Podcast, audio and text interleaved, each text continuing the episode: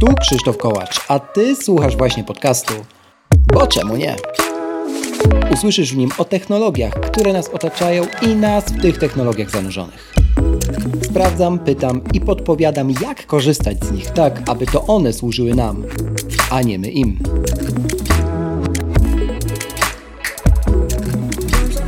W dzisiejszym odcinku Rozmowa z Jackiem Lempartem, programistą, miłośnikiem rynków finansowych oraz technologii. Osobą, która ceni sobie swój czas, dlatego systemy i urządzenia, z których korzysta, dobiera w taki sposób, aby go odzyskiwać jak najwięcej. Podobnie stara się robić tworząc coś dla innych. Jest autorem aplikacji System Trader, współautorem szkolenia Atlas Pasywnego Inwestora, a także autorem i pomysłodawcą portalu atlasetf.pl proszę zostaw opinię na Apple Podcast lub na Spotify. Twój głos ma znaczenie. Zaczynamy! Z tej strony Krzych Kołacz, a moim i waszym gościem jest dzisiaj zapowiedziany już we wstępniaku Jacek Lempart. Dzień dobry Jacku. Dzień dobry, witam serdecznie i dziękuję za zaproszenie. Bardzo mi miło. Jacku, e, nasze drogi skrzyżowały się w internecie nie tylko na Twitterze, ale również w różnych innych miejscach. Tutaj na wstępie, e, z uwagi na tematykę tej naszej dzisiejszej rozmowy, myślę, że fair będzie powiedzieć, że znamy się też e, z klanu finansowych Ninja Michała Szafrańskiego i taka tematyka inwestorsko-finansowa pojawi się w tym odcinku, więc od razu zróbmy może na wstępie zastrzeżenie, że wszystkie rzeczy, o których będziemy związane właśnie z inwestowaniem mówili tutaj, nie są w żaden sposób poradą finansową są oczywiście naszym e, osobistym doświadczeniem. Natomiast e, cały odcinek o inwestowaniu na pewno nie będzie, e, ale na początek, żebyśmy mieli to załatwione i z głowy, myślę, że takie zaznaczenie należało poczynić. Jacku, to teraz powiedz moim słuchaczom, którzy myślę, że w większości mogą Cię jednak nie kojarzyć, swoimi słowami na 2023 rok, kim jest Jacek Lempart i czym się na co dzień zajmuje. Okej, okay. no więc faktycznie troszkę tutaj jest do opowiadania. E, wywodzę się generalnie z branży IT, więc tutaj mogło, można by pomyśleć, że to jest akurat gdzieś tam blisko w tych rejonach, którymi ty się zajmujesz. Mhm. Natomiast e, ja wykorzystuję to swoje IT, swoją wiedzę z IT e, w konkretnym celu, mianowicie właśnie do finansów, o których też sobie za chwilę powiemy nieco więcej. Natomiast generalnie jestem, mówiąc najprościej, inżynierem, programistą, studiowałem informatykę na AGH, czyli Akademii Górniczo-Hutniczej w Krakowie. Także pozdrawiamy Kraków. Mieszkam obecnie obecnie w Belgii, e, w, w Brukseli e, już od ponad 10 lat, od 2012 roku. Przyjechałem tutaj tylko na rok, no ale jak widać nieco się zasiedziałem. Mhm. E, siedzę tu w tym momencie obecnie głównie z powodów czysto prywatnych, bo tak naprawdę pracuję zdalnie, więc mógłbym być w dowolnym praktycznie miejscu. I też planuję swoją drogą wrócić do Krakowa. Natomiast poza tym, że jestem programistą, że jestem e, w branży IT, e, jestem też, można powiedzieć, przedsiębiorcą, bo e, te swoje, mm, swoją pracę, swoją pracą tworzę konkretne produkty, które mają rozwiązywać konkretne problemy, między innymi właśnie oprogramowanie ST, które ma pomagać w tym, żeby być bardziej świadomym i odpowiedzialnym inwestorem. Jestem też mm, współtwórcą portalu ETF-ów, Atlas ETF, też szkolenie właśnie z zakresu inwestowania pasywnego. Także tutaj jak gdyby przeplata się ta wiedza e, informatyczna z wiedzą finansową, która jeżeli chodzi o ten świat finansowy, to jest powiedzmy mój konik, moje, moje, moja pasja. Tak. E, no i jestem mhm. też blogerem i podcasterem, e, także tylko, tylko tak dopowiem, mam swojego bloga, swój podcast, swój kanał na YouTubie, również tam głównie vlogi nagrywam, choć nie tylko. Mm, no i dziś właśnie rozmawiam tak jak podcaster do podcastera, więc myślę, że, że to też jest ciekawe doświadczenie. Tak, Jacek, jeszcze zapomniałeś wspomnieć, że obaj e, biegamy, co też się pojawi w tej naszej rozmowie dzisiaj. Ty to bieganie w ogóle ciekawie sobie wykorzystujesz. Ja lubię takie e, łączenie tematów, więc o tym będzie dalej.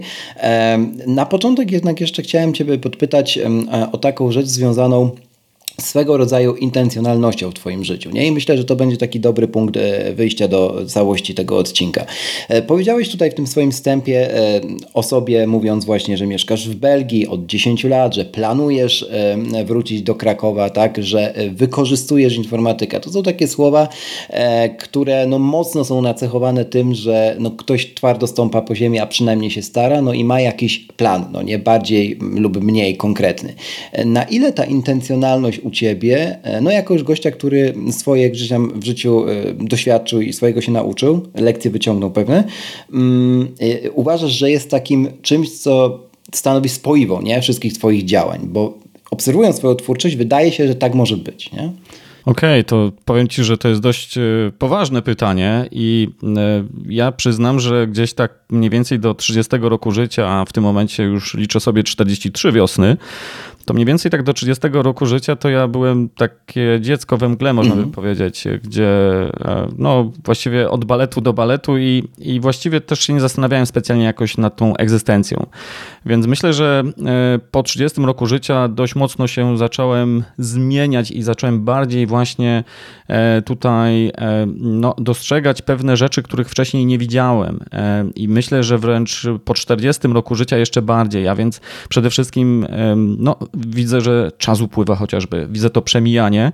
E, i nie chcę, żeby to jakoś patetycznie tutaj zabrzmiało, ale mm, e, mam tą świadomość, że czas to jest ten nasz zasób, który naprawdę jest nieodnawialny i e, każdy ma jakąś tam, ma ileś tego czasu w swoim życiu i fajnie byłoby wykorzystać ten czas w ten sposób, żeby po prostu później nie żałować, że nie wiem, że albo go przepuściliśmy gdzieś przez palce zupełnie, albo go wykorzystaliśmy nie na te aktywności, które byśmy chcieli, więc generalnie obok tych kwestii takich czysto zawodowych, o których też na początku mówiliśmy, to jednak z czasem coraz bardziej też gdzieś dojrzewałem i, i zacząłem dostrzegać inne aspekty, chociażby takie bardzo przyziemne, jak po prostu e, e, rodzina, najbliżsi, to, żeby po prostu dobrze się odżywiać, zdrowo żyć, no bo jednak też, no nie ukrywajmy, no cóż z tego, że my możemy mieć różne fajne osiągnięcia i tak dalej, ale jeżeli to będzie kosztem na przykład zdrowia, to może się okazać, że później po prostu zwyczajnie no nie będziemy mogli się nawet z tego cieszyć, co osiągniemy.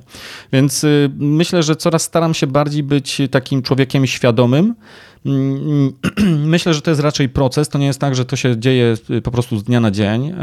No i myślę, że to tak pokrótce wygląda z mojej strony.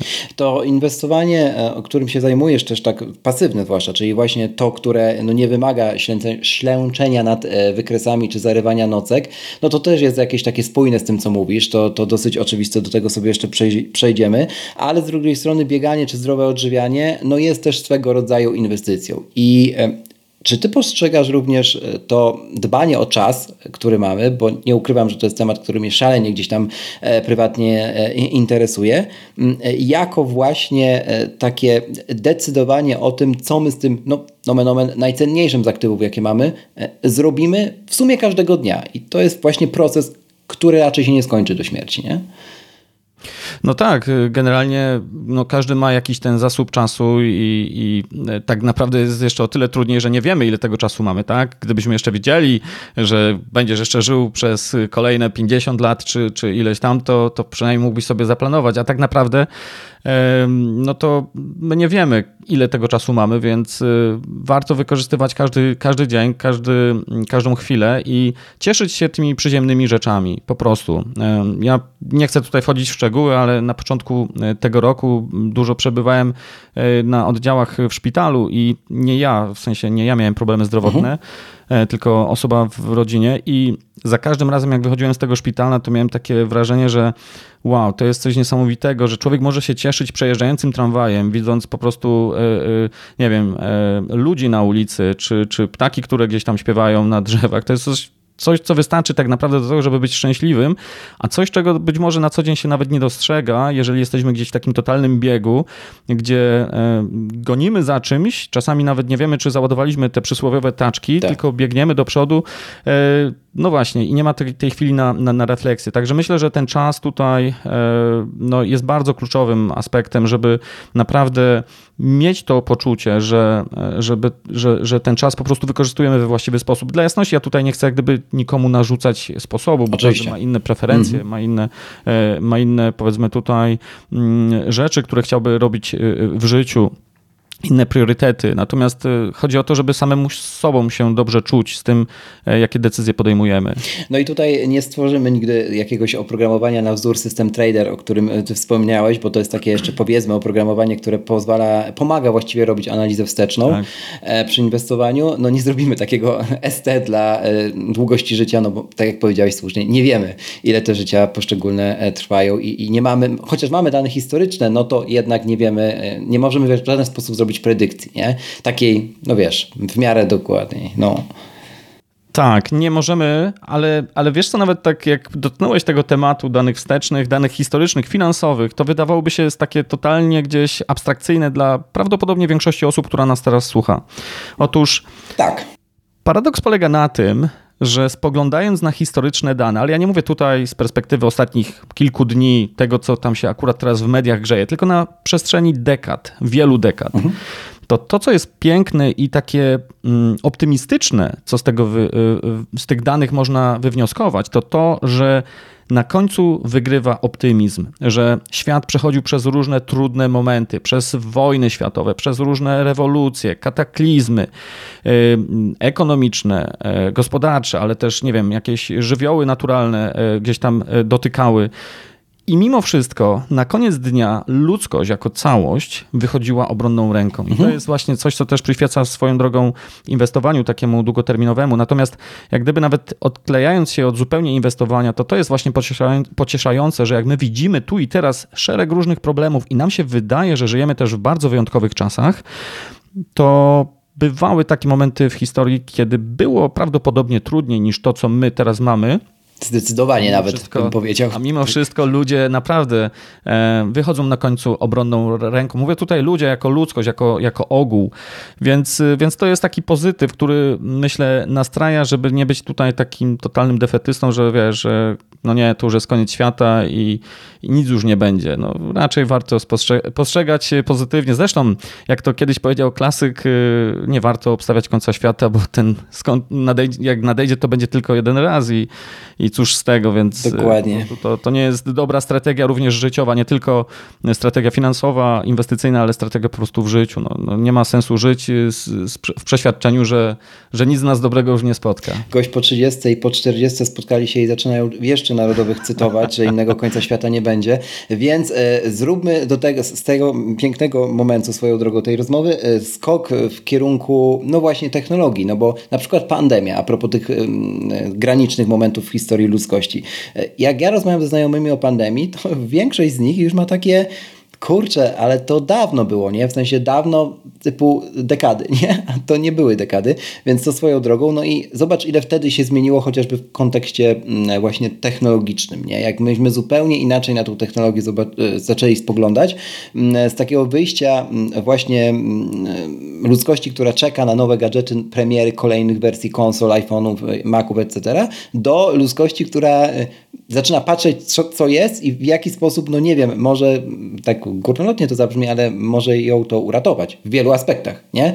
I tak było. I e, myślę, że to jest dobry punkt wyjścia właśnie do wątku technologicznego, o który dzisiaj chcę również Ciebie podpytać, bo też używasz sprzętu Apple, zaraz się pochwalisz jakiego i od kiedy, jako, jako programista, ale nie, chociaż też wiem, że masz z innymi platformami styczność, natomiast mm, to też w jakiś sposób do tej technologii i jej wyboru e, podchodzisz. No jako osoba starająca się raczej żyć intencjonalnie, myślę, że e, no, nie kupujesz byle czego, więc rozłóżmy tą puszkę jakby na części pierwsze. Pochwal się od kiedy w ogóle z Apple jesteś związany, czego używasz, no i jak ty w ogóle ogólnie podchodzisz do tematu technologii, nie? Mhm. E, no właśnie, tutaj teraz to wyjdzie, że jestem takim totalnym wapniakiem, bo e, tak sobie przejrzałem mhm. na strukturę wiekową Twoich słuchaczy mhm. i tam duża, duża liczba, nie wiem, to jest 30-40% tak. podejrzewam, to są osoby gdzieś tam nawet przed 30 albo gdzieś tam tuż y, po 30, no więc ja na ich tle jestem już takim wapniakiem i w ogóle moje wejście w świat technologii zupełnie inaczej, na innych zasadach się odbywało niż prawdopodobnie te osoby, które dzisiaj mają powiedzmy mm, te dwadzieścia kilka lat. E, I coś, co może w ogóle, zanim ja jeszcze przejdę do tego, z czego ja korzystam, jaki mam ten setup, to, to ja tak powiem tylko, że to były czasy, e, na przykład początek lat 90., gdzie, co wydaje się w ogóle dziwne, gdzie większość ludzi nie miała ani internetu, ani komputera w domu. E, I takie, taka była po prostu rzeczywistość, więc mój pierwszy w ogóle komputer i taka styczność z technologią to, było, to, było początek, to był początek liceum. E, pamiętam wtedy e, mój tata zakupił komputer e, z procesorem Intel Pentium 60 MHz, 8 MB RAMu, w ogóle dysk twardy, nie pamiętam, chyba 850 MB, także to, były, to była rzeczywistość tamtych światów, a i tak to był przełomowy komputer jak na tamte czasy, bo, bo, bo, bo jeszcze pamiętam procesory 286 i nawet starsze i to była era Windowsa 3.0, 3.1, jeden, także zupełnie inny świat. I moja perspektywa jest też o tyle inna, że faktycznie jestem człowiekiem, który później zdobył, no, można powiedzieć, edukację w, w, w informatyce, więc niejako też patrząc na to, co dziś widzimy, jeżeli chodzi o technologię, mam z tyłu głowy, że wiem, jak to wyglądało historycznie, dochodzenie do, tych, do tego etapu. Ty powiedziałeś, że na przestrzeni na przykład dwóch, trzech lat nastąpił ogromny tak. postęp. Mhm. A ja mam w ogóle e, z tyłu głowy, jak to, jak to się działo na przestrzeni ostatnich dekad, e, że, że to był naprawdę pewien proces, e, który nas doprowadził do momentu, gdzie jesteśmy tu i teraz.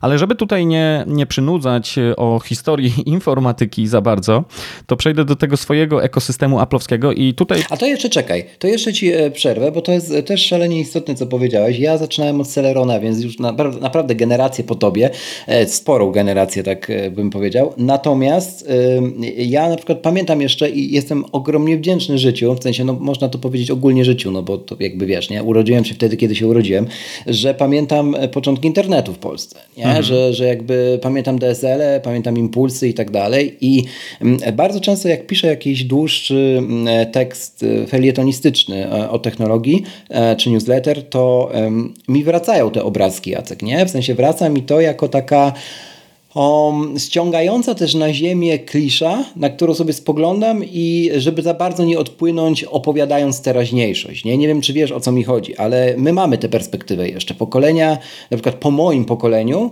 nie mają jej kompletnie, nie? W sensie oni się już, już nie mówię o tych, którzy się urodzili po iPhone'ie, nie? Ale nawet ci, którzy się urodzili, no nie wiem, po kolorowych wyświetlaczach w telefonach, nie?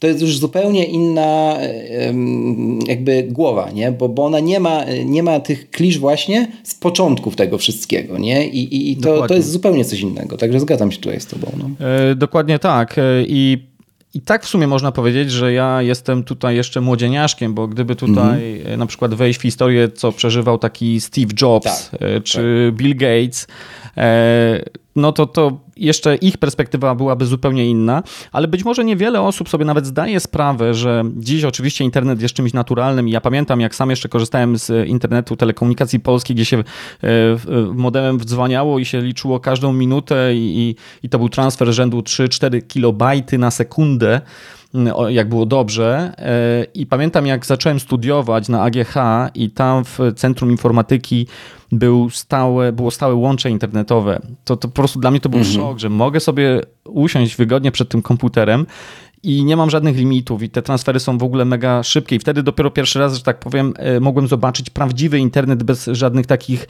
ograniczeń. Mówimy tutaj o w sumie nie takich aż bardzo dawnych czasach, Prawda? bo końcówce mhm. lat 90. E, to, co teraz mówię. Natomiast niewiele osób sobie prawdopodobnie zdaje sprawę, która nas słucha z tych młodszych osób i tutaj jak będę za bardzo przynudzał, to mnie proszę przystopuj, że takie rzeczy jak internet, które się dziś wydają naturalne i czymś nowoczesnym, to podwaliny tego powstawały jeszcze w latach 60. ubiegłego wieku, dosłownie. Protokoły, e, cały ten stack protokołów TCP/IP, e, on powstawał w końcówce lat 60., e, lata 70. I to powstawało w, w ogóle z innych przyczyn. Nie, nie dlatego, żeby e, tutaj właśnie móc e, jakieś fajne produkty dla e, osób takich jak my tworzyć, tylko dla rozwiązań militarnych, bo tam była zresztą prosta sytuacja. Jak stworzyć sieć, która może przetrwać, mówiąc zupełnie wprost, atak nuklearny. Mhm. Tak? Czyli jak można przesłać informacje z punktu A do punktu B, nawet jeżeli duża część infrastruktury będzie zniszczona. I, i tak powstało między innymi właśnie właśnie ta idea internetu, żeby przesyłać te pakiety różnymi ścieżkami. Każda część tej informacji, którą my nawet jak teraz rozmawiamy i nagrywamy ten głos, to, to, to, to może iść wieloma różnymi tak. E, drogami, różnymi ścieżkami. Mhm. Później jest to gdzieś razem znów e, pakowane w, jeden, w jedną informację. I tak naprawdę podwaliną do tego były zupełnie inne, że tak powiem, e, powody niż to, żeby dziś rozmawiać przez Zooma na przykład, jak nagrywamy ten podcast. To jeszcze dwie tak, jeszcze dwie anegdotki. To nawet jest jeszcze wcześniej, o czym ty powiedziałeś, bo też sporo czytałem o projekcie Manhattan, o w ogóle spuszczeniu bomby na Hiroshima i Nagasaki i ta, już tam technologia odgrywała ogromną rolę, nie? Przecież cała historia e, Enigmy, nie? I, i to wszystko to, to, to, to, co powinniśmy się tak naprawdę uczyć na przedmiotach, które ktoś e, karkołomnie nazwał technologia informacyjna, a nie Painta, e, no to są oczywiście rzeczy, których na przykład moje pokolenie się dowiadywało jako już hobbyści, nie? jako ludzie, którzy coś tam czytają o technologiach i sami sobie znaleźli na Medium, czy, czy nie wiem, odkryli, że Wikipedia jest po to, żeby ją czytać e, i, i się edukowali, a, ale no nie mieli tego mm, w systemie edukacji, czy ze szkoły nie wynieśli, no i prawdopodobnie żadne pokolenie już y, tego nie będzie miało, no bo nie ma powodów, na, chociażby czysto ekonomicznych, nie? żeby takich rzeczy uczyć, a to są rzeczy szalenie też otwierające głowę, moim zdaniem. Nie? One też fajnie pokazują, że nic nie, nie powstaje w próżni, jakby nie, nie rodzi się geniusz typu Jobs, Gates czy, e, czy Branson i nie wymyśla sobie nowej rewolucji, tak, bo nie wiem, mu się przyśniła w nocy. Nie? E, no, jakby ci goście też mają bagaż doświadczeń, który wynika jakby, mhm. no nie wiem, z ich rodziny, z ich rodziców i tak można by sięgać wstecz, e, że no na to wpadają nie? Tak. I druga tak. anegdota jeszcze, zamykająca już i przechodzimy do Twojego e, setupu, to jest Netflix. Otóż nie wiem, czy wiecie, ale końcem września, czyli jak już słuchacie, to już jest e, status dan, jakby Netflix w końcu przestaje w USA wysyłać DVD e, pocztą. Historia Netflixa jest taka, że oni mm, zbudowali całe podwaliny pod video on demand, tak, pod VOD, które teraz mamy i mamy tych platform od groma na nielimitowanym internecie swoją drogą, jak Jacek powiedział, e, to e, jakby no Netflix wysłał ludziom płyty DVD do skrzynek i tak zbudował swoją potęgę. I to dzisiaj to robił, bo się okazało, że grono starszych Amerykanów z tego nadal korzystało, e, no ale w końcu przestają z końcem września. I, I, już przechodzimy do swojego etapu. Sam sobie musia, sam musiałem się ukrócić. A nie każdy może nawet wie, że, że, że dawniej to było tak, że te e, optyczne nośniki, te, znaczy tutaj jak mówisz DVD, mm. CD, to, to była nowość, która wypierała z kolei jeszcze wcześniej dyskietki, tak? tak? I to w ogóle w moich czasach to, to wow, to było, że, że jest coś takiego jak CD, gdzie może pomieścić tam ponad 600 megabajtów względem takiej dyskietki, która tam ma 1,44 megabajta. A dziś mamy takie łącza internetowe, że tak naprawdę nie ma w ogóle potrzeby tego zapisywać, tak? Więc to jest ogromny postęp i to jest coś, czego być może, y, a raczej nawet prawdopodobnie większość młodego pokolenia po prostu zwyczajnie nie wie. Tak jak nie wie, że na przykład pierwsze komputery powstawały i tutaj uwaga, nie pomylę się, e, to nie pomyłka, XIX wiek i to były Y, mechaniczne komputery, tak? I nawet y, powstawały na to y, programy i, i normalnie się to uruchamiało. To, to naprawdę to wszystko gdzieś tam ewoluowało i Steve Jobs na przykład swój geniusz między innymi ma w tym, że on potrafił wykorzystywać to, co przynosiła ta technologia. Bo to, że ktoś wymyślał fajną technologię to jedno, ale żeby umieć Dokładnie. to przetworzyć na coś konkretnego, użytecznego, no to jest zupełnie inna para kaloszy. To, y, to ja, ja od razu polecę jeszcze książkę Innowatorzy, która ukazała się wy, nakładem wydawnictwa Insignis w Polsce. Tam można sobie o tych początkach, o których Jacek tu wiele razy mówił, poczytać. Gruba książka, ale dla technologicznych geeków e, no, obowiązkowa moim zdaniem pozycja. Jedna z tych, które tłumaczą historię właśnie takim pokoleniom, które nie miały okazji jej pamiętać, nie mają okazji jej pamiętać. E, tak, i, no i na pewno też Leonardo da Vinci w biografii Isaacsona, tego samego wydawnictwa. Tam jest też sporo technologii, chociaż to zupełnie inna bajka, także to się wszystko e, przenika. Jasko, z czego ty korzystać? Jak już o tym Jobsie gadamy tak chyba ósmy raz, to już e, trzymajmy się tego mostu. No. Teraz tak, wchodzimy w końcu.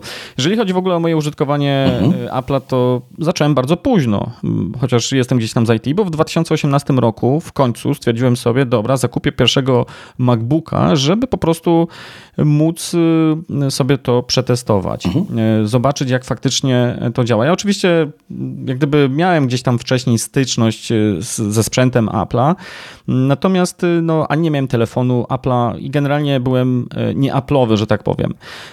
Mój pierwszy MacBook to był, nie wiem czy jeszcze pamiętasz, chociaż ty wszystko pamiętasz, jeżeli chodzi o Apple, to był 12-calowy taki mały MacBook, y, y, który był y, na procesorze Intel i7, tam było, pamiętam, 8 GB RAMu akurat w moim przypadku i to był o tyle fajny sprzęt, że on miał, nie miał takiego aktywnego chłodzenia, więc tam był, no a z drugiej strony cholernie się nagrzewał, mówiąc tak zupełnie wprost.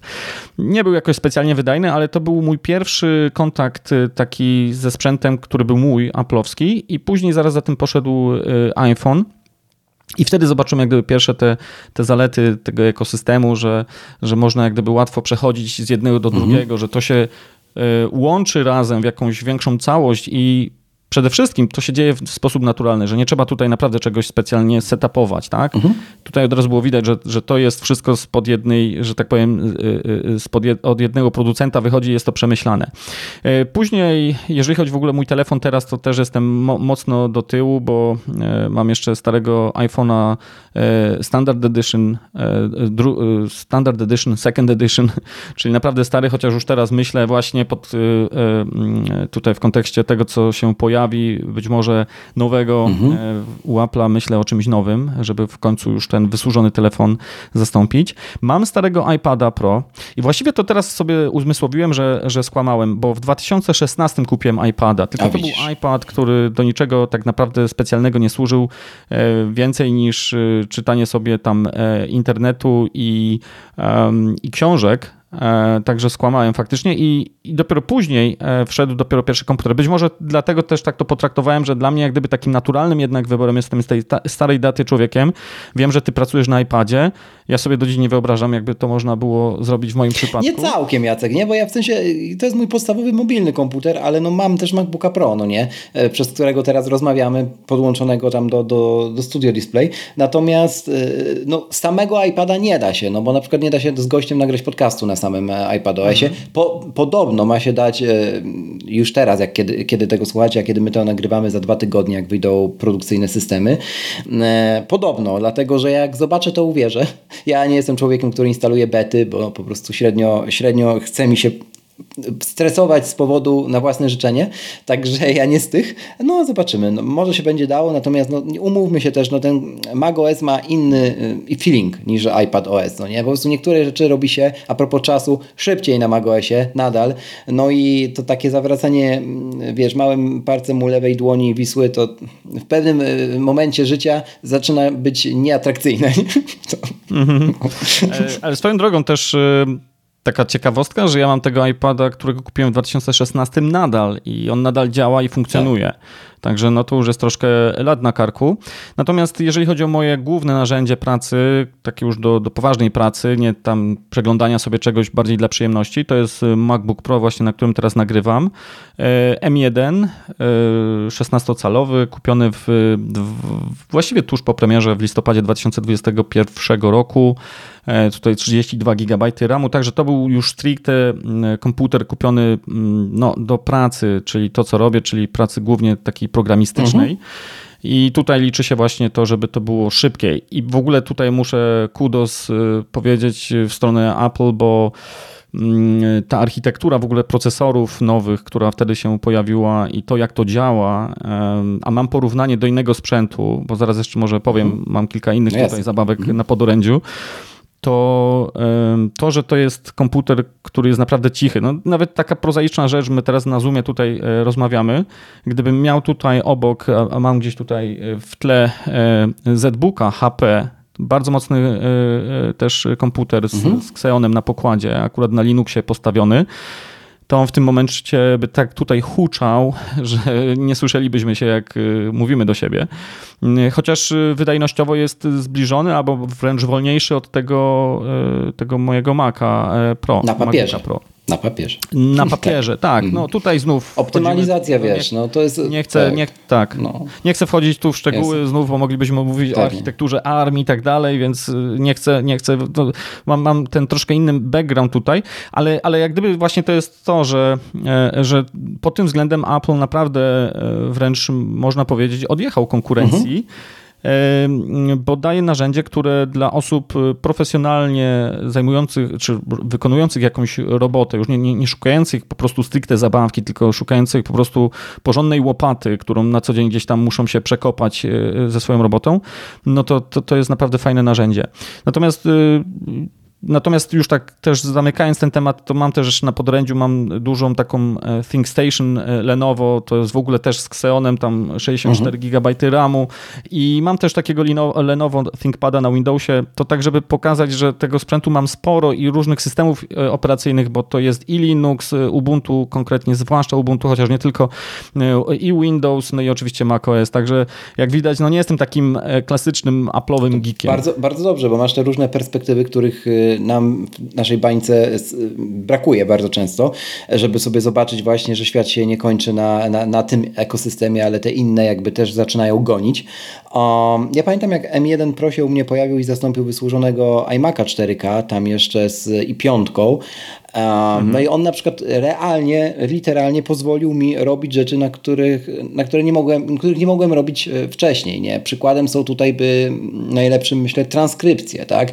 E, AI w tym momencie robi e, transkrypcję na Mago, pod macOSem moich odcinków. One są oczywiście później redakcyjnie jeszcze poprawiane przez humana, przez człowieka. Natomiast to, jak on odpali i rzeczywiście to jest jedyny moment, kiedy ten MacBook uruchamia wentylatory, że je minimalnie słychać, no to okej, okay, to, to, że on tam je uruchomi i jeszcze e, robi te transkrypcje, to jest jedno, ale w, w tym samym czasie renderuje jeszcze wideo, renderuje jeszcze inne rzeczy i nadal można, nie wiem, przeglądać internet co nie jest takie oczywiste, nie? Więc ja pamiętam czasy po prostu, z, z, kiedy korzystałem z Intela, no i to po prostu no, nikt się za to nie zabierał, chyba że miał nie wiadomo jaką konfigurację, no bo po prostu każdy trzeźwo myślący człowiek nie chciał się frustrować, nie? No takie to były czasy. To, a to nie było dawno. To... Tak, tak.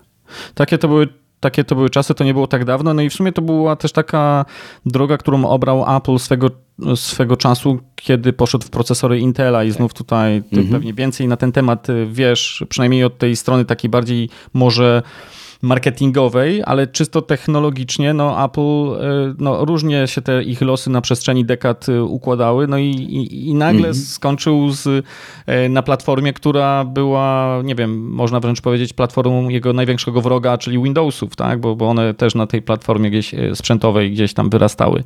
Także no dość ciekawe tutaj sploty różnych okoliczności, jeżeli chodzi o ten sprzęt. Swoją drogą jeszcze tutaj, tak kończąc też ten mój setup Apple'owski, to tak sobie tutaj właśnie zerkam na ściągę, mam jeszcze AirPodsy, też stare z drugiej generacji z 2019 roku, ale to jest właśnie też fajne, myślę, że ten sprzęt Apple'owski, przynajmniej w moim, nie wiem, mogą być różne opinie, ja mówię ze mhm. swojego doświadczenia, po prostu mi ten sprzęt działa, tak? Ja mam e, e, AirPodsy, które są już naprawdę wiekowe, 2019 rok i ja naprawdę z nich codziennie korzystam, właśnie chociażby przy bieganiu, mhm. podczas biegania, mhm. tak? I to nadal działa. Jedyna rzecz, która mi się nie spodobała z tego pakietu apowskiego, no. to Magic Mouse. Ale no nie, no to, to, to, ja... o tym się nie dyskutuje nigdzie, w żadnych podcastach. Są tacy, którzy to kochają, ale, tak, ale tak. Ja, no, ja nie byłem w stanie z tym po prostu.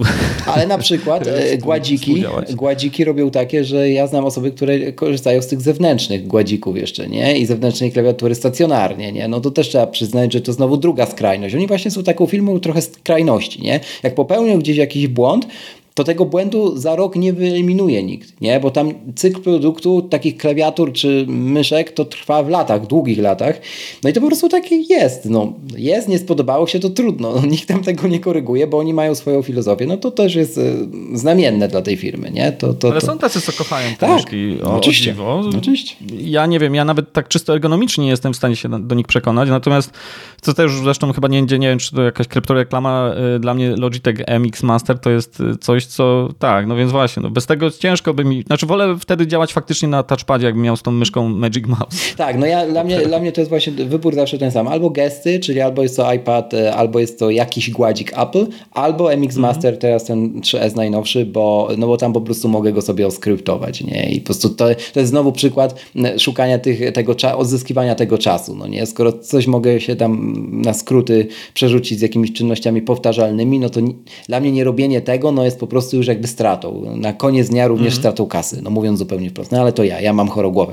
To dobra, e, Jacek, to przejdźmy teraz do tego tematu inwestorskiego, bo ty też SC zacząłeś parę lat temu już tworzyć i doszedłeś do takiego momentu, gdzie to jest takie oprogramowanie, które jest przez wielu polecane właśnie do tej analizy e, historycznej czy analizy wstecznej i e, no też skrobałeś je sam, nie? Jakby no, mówiąc zupełnie wprost. Teraz masz nowy projekt, jest to portal ETF, tak? Czyli ET, Atlas ETF.pl, który znowu jest taką takim pierwszym polskim miejscem, gdzie można sobie o tych funduszach pasywnie zarządzanych e, poczytać w języku polskim i też się dużo dowiedzieć dzięki temu. E, ten aspekt edukacyjny jest tu też istotny. Jak to jest, że mm, jakby z gościa, który pracował na etatach, no i też jakby to jest taka główna oś, nie? Główna oś e, dla informatyków, dla programistów, ten dobrze płatny etat, tak? Rodzi się w Twojej głowie, nie wiem, czy to jest misyjność, czy, czy to jest takie poczucie właśnie mm, odciśnięcia trochę piętna e, swoim życiem wiesz, ogólnie tak mówiąc, nie? E, na historii, żeby właśnie robić coś dla innych samemu własnym sumptem, bardzo często po godzinach. To jeszcze możesz trochę kulis API zdradzić, jak to wyglądało w sławetnej pszczynie. Tak, oddaję Ci głos. Tak, tak. No więc faktycznie tych y, projektów z czasem się troszkę tutaj narodziło. Natomiast y, jeżeli chodzi o moją ścieżkę i to moje powiązanie nagle z branżą finansową, chociaż sam wywodzę się z branży IT, było dość naturalne. Znaczy, gdzieś tam jeszcze mój tata e, mnie tym zaraził, żeby no, pomyśleć może troszkę o przyszłości. Tylko, że mm, troszkę zacząłem myśleć o tej przyszłości nie do końca w ten sposób, w jaki on sobie to wymarzył, bo ja sobie pomyślałem, że no fajnie, że zarabiam w tym IT, ale to były naprawdę były moje początki w ogóle w, w, w branży IT. No to fajnie, żeby sobie jeszcze dorobić coś na tych rynkach finansowych. Jak gdyby popełniłem szereg różnych błędów, mhm przed którymi teraz, mm, teraz staram się przynajmniej przestrzegać innych. E, rynki finansowe mają to do siebie, że one niestety e, no, sprawiają e, bardzo często wiele różnych iluzji, łatwości zarabiania, bo wydaje nam się, że oto nagle w jakiś magiczny sposób pomnożymy swój kapitał, tylko że czasami owszem udaje się pomnożyć, tylko nie przez taką wartość, jakąś byśmy chcieli, wręcz czasami ujemną, jak w moim przypadku. Na moje szczęście e, w tym e, nieszczęściu, czyli tam gdzieś powiedzmy rok 2005, 2006, 2007, jeszcze 2008 właśnie, czyli wielkie załamanie na rynkach finansowych, no Przyszło mi zapłacić swoje frycowe za mhm. swoje, e, swoje bardzo naiwne podejście, czyli myśląc, że, że będę nagle e, pomnażał szybko pieniądze. Zresztą e, taki rys historyczny do roku 2008 faktycznie, czy końca zwłaszcza roku 2007, te rynki rosły dynamicznie, zwłaszcza w Polsce rynek akcji bił rekordy, więc no, wielu zarabiało, jak się jechało taksówką, to taksówkarz już namawiał na inwestowanie. Tylko, że jest takie powiedzenie, żeby nie mylić umiejętności z hossą, no ja dokładnie popełniłem ten błąd, więc zapłaciłem swoje frycowe. Na moje, na moje szczęście w tym nieszczęściu, że nie miałem wielkiego kapitału, chociaż on był powiedzmy dość znaczący, nawet jak na tamte, na tamte warunki, no ale powiedzmy no nie było to coś, co mnie gdzieś tam zrujnowało. No i wtedy miałem właściwie dwie drogi. Albo rzucić to w cholerę i po prostu powiedzieć sobie, nie, to nie jest dla mnie i w ogóle to szkoda, że straciłem tyle czasu albo starać się ten temat drążyć. No ja poszedłem tą drugą ścieżką, co nie oznacza, że od razu trafiłem do nieba, bo e, popełniałem inne błędy, ale już na innym poziomie. Znaczy zacząłem przede wszystkim chcieć mieć jakąś swoją e, strategię inwestycyjną, swoją drogą, ponieważ jestem programistą, no to naturalnym dla mnie podejściem było to, żeby po rynkach finansowych poruszać się niczym taki robot, taki algorytm, który decyzje podejmuje w oparciu o konkretne reguły. No i zacząłem właśnie iść w tę stronę. No i z czasem też tworzyłem sobie dla własnych rozwiązań rozwiązania, które w pewnym momencie mi przyszło do głowy, że mógłbym faktycznie już y, no, pokazać szerzej. Tak? Mhm. I w ten sposób y, w roku już ho, ho, ho, późno, bo pod koniec roku 2018 narodził się projekt y, System Trader ST, to jest oprogramowanie mm, swoją drogą na Windowsa. I swoją drogą całkiem świetnie działa na również macOSie, jak się na przykład Parallels korzysta. Na emulacji. I, i nie, nie, tak, nie, nie ma kłopotu. Natomiast no, z powodów czysto historycznych, gdzie ja miałem dużo swoich rzeczy, no to powstało to oprogramowanie. Ktoś mi kiedyś napisał, że to oprogramowanie e, w sensie jego użyteczne, znaczy inaczej, ono ma swoją ogromną siłę i, i mogę to powiedzieć nieskromnie, natomiast ono nie jest zbyt łatwe, przystępne dla e, wielu użytkowników, e, takich powiedzmy, powiedzmy którzy na szybko by coś chcieli zrobić, a nie znają tematu i, to jest, wiem, powinienem zachwalać, ale, ale tak jest, więc to troszkę tak jakby działanie pod gołym dosem, jak się dawniej mówiło, mm -hmm. jak to mhm. działo pod mm -hmm. cudzysłowie gołym dosem, tak. system operacyjny Microsoftu bez y, interfejsu graficznego, no to znaczy, że to był prawdziwy, e, Hakier. geek. Tak. Hakier, tak, tak. E, no a wreszcie powstał e, mhm. inny mój projekt, kolejny, który współtworzę z Arturem Wiśniewskim z mhm. bloga stockbroker.pl, który ma z kolei przybliżyć świat ETF-ów. No i tutaj mi ktoś właśnie powiedział, że no ten drugi projekt to już nie jest taki, nie przypomina działania pod gołym DOSem, tylko już naprawdę jak Mac OS wygląda, czyli w sensie, że jest bardziej przyjazny dla użytkownika, ale to taka dygresja na boku. Natomiast e, faktycznie obok tego projektu System Trader oprogramowania, które pozwala sprawdzić jak działały rynki historycznie, jak działają różne strategie i tutaj się często pojawiają zarzuty, że no okej, okay, ale to jest wszystko historia, a nie wiemy co będzie w przyszłości. No e, póki co danych z przyszłości jeszcze w tym oprogramowaniu nie mam i mhm. raczej nie będę miał. Mhm. Natomiast y, prawda jest taka, że to jest wszystko, co możemy mieć. E, mhm. Znaczy, możemy się uczyć na historii, co nie oznacza, żeby robić na tym, e, e, na tym, na ich podstawie predykcje co do przyszłości. To tylko, żeby nam dał jakieś wrażenie odnośnie tego, co się na tych rynkach działa. Mówiąc krótko, jeżeli ktoś się chce zająć inwestowaniem, to może sobie zrobić taką, taki eksperyment, przeprowadzić, jak to wygląda, zasymulować nieco, co mógłby odczuwać, jakby faktycznie zainwestował prawdziwe pieniądze.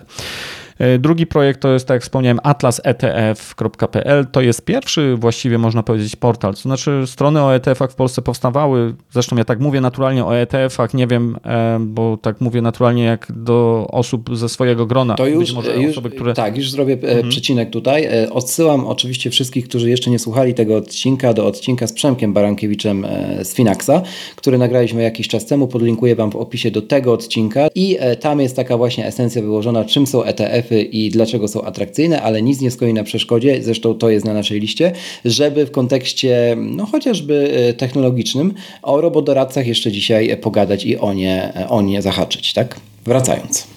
Dobrze.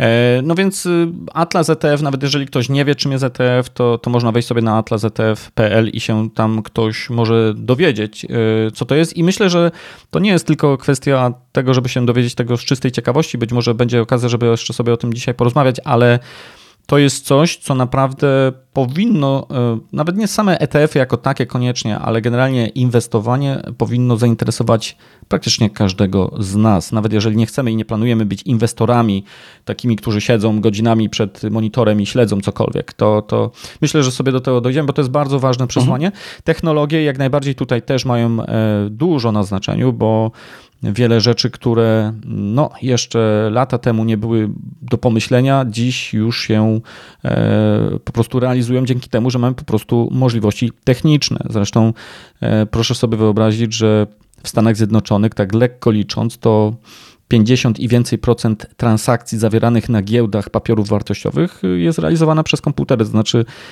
po prostu robią to e, komputery, a nie, że ludzie coś tam zlecają. Czyli tak zwani brokerzy, bo to dużo seriali czy filmów oglądaliśmy, nie tylko Wilka z Wall Street, ale no, chociażby takie produkcje już współczesne typu, e, typu produkcje od HBO Max o właśnie życiu w londyńskim City, tak, o życiu brokerów, tak, traderów, etc.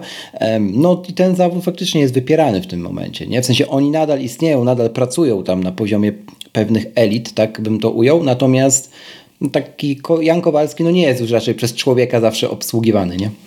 No tak, zgadza się. Zresztą jakby ktoś sobie chciał prześledzić oferty pracy w londyńskim City, czyli, czyli takim zagłębiu finansowym, w Europie, to tam często lepszą płacę albo więcej ofert może znaleźć człowiek na przykład, y, nie wiem, z umiejętnościami programistycznymi. Mhm niż człowiek, który mm, no nie wiem, miałby siedzieć gdzieś tam w okienku i obsługiwać klienta właśnie. Czy tak. siedzieć na słuchawce, Także, nie? To, no. Tak, tak. Mhm. Także to, to pokazuje jak gdyby postęp y, czy przenikanie tej technologii do różnych branż y, gospodarek po prostu. Tak to, tak to wygląda. Y, jeżeli jeszcze chodzi o te projekty, y, już tak dokończę, to też właśnie to jeszcze API, czyli właśnie bardzo fajnie też się tu komponuje API, ale nie to API takie znane przez programistów, czyli Application Programming Interface, tylko atlas pasywnego inwestora, ale tak to zostało właśnie wymyślone, że w skrócie jest API, co oczywiście mówi coś osobom z branży IT, ale w większości nie mówi nic. Tak jak i nic w większości nie mówi, czym jest ETF. Natomiast Atlas Pasywnego Inwestora to jest duży projekt, który miałem e, przyjemność współtworzyć między innymi z Michałem Szafrańskim z bloga Jak oszczędzać pieniądze, z Arturem Wiśniewskim z bloga właśnie stockbroker.pl, z którym z kolei teraz współtworzę e, portal ETF-ów, mhm. o którym mówiłem. No i Maciej Aniserowicz, który no, w branży IT przynajmniej w tej branży szkoleniowej z zakresu IT jest dobrze znany. On jak gdyby koordynuje tutaj tymi pracami. No i stworzyliśmy szkolenie, takie powiedzmy no, z rozmachem, które ma w prosty, przystępny sposób dla w cudzysłowie, przeciętnego Kowalskiego wyłożyć temat inwestowania. Inwestowania na tej zasadzie, że nie trzeba poświęcać mu aktywnie wiele czasu, że wystarczy odrobić to swoje zadanie domowe, czyli zdobyć odpowiednią wiedzę. I tak to jest często, a wręcz zwykle jest, tak, że żeby dojść do prostych rozwiązań, to trzeba przebyć pewną ścieżkę, pewną drogę. No bo jeżeli byś nawet komuś powiedział, że coś jest bardzo proste i, i stosuj to, ale jeżeli ktoś nie będzie znał, jak gdyby. E, Dlaczego to robi? Całej tak, dlaczego tak, nie, nie będzie mhm. rozumiał, no to w naturalny sposób on tego nie będzie chciał robić, tylko będzie szukał czegoś bardziej skomplikowanego, bo mu będzie się wydawało, że to jest lepsze. Dokładnie. Tak. Mówiąc inaczej, żeby docenić prostotę, to e, czasami trzeba po prostu odbyć e, szeroką e, gdzieś tam no, ścieżkę, przebyć. Zresztą ja sobie tutaj nawet wynotowałem, bardzo lubię ten cytat, mm, Edgera Dijkstry, czyli człowieka też ze świata informatyki, już nieżyjącego profesora informatyki Holendra, który tam różne fajne algorytmy między innymi wymyślał. I on właśnie powiedział coś takiego. Człowiek, który wymyślał naprawdę algorytmy, którymi katuje się chociażby, nie wiem, studentów informatyki. Mm i cytuję: Prostota jest wielką zaletą, ale wymaga ciężkiej pracy, aby ją osiągnąć i edukacji, aby ją docenić. Co gorsza, złożoność lepiej się sprzedaje. Więc to jest taki bardzo fajny cytat, który można przełożyć na bardzo wiele różnych dziedzin życia.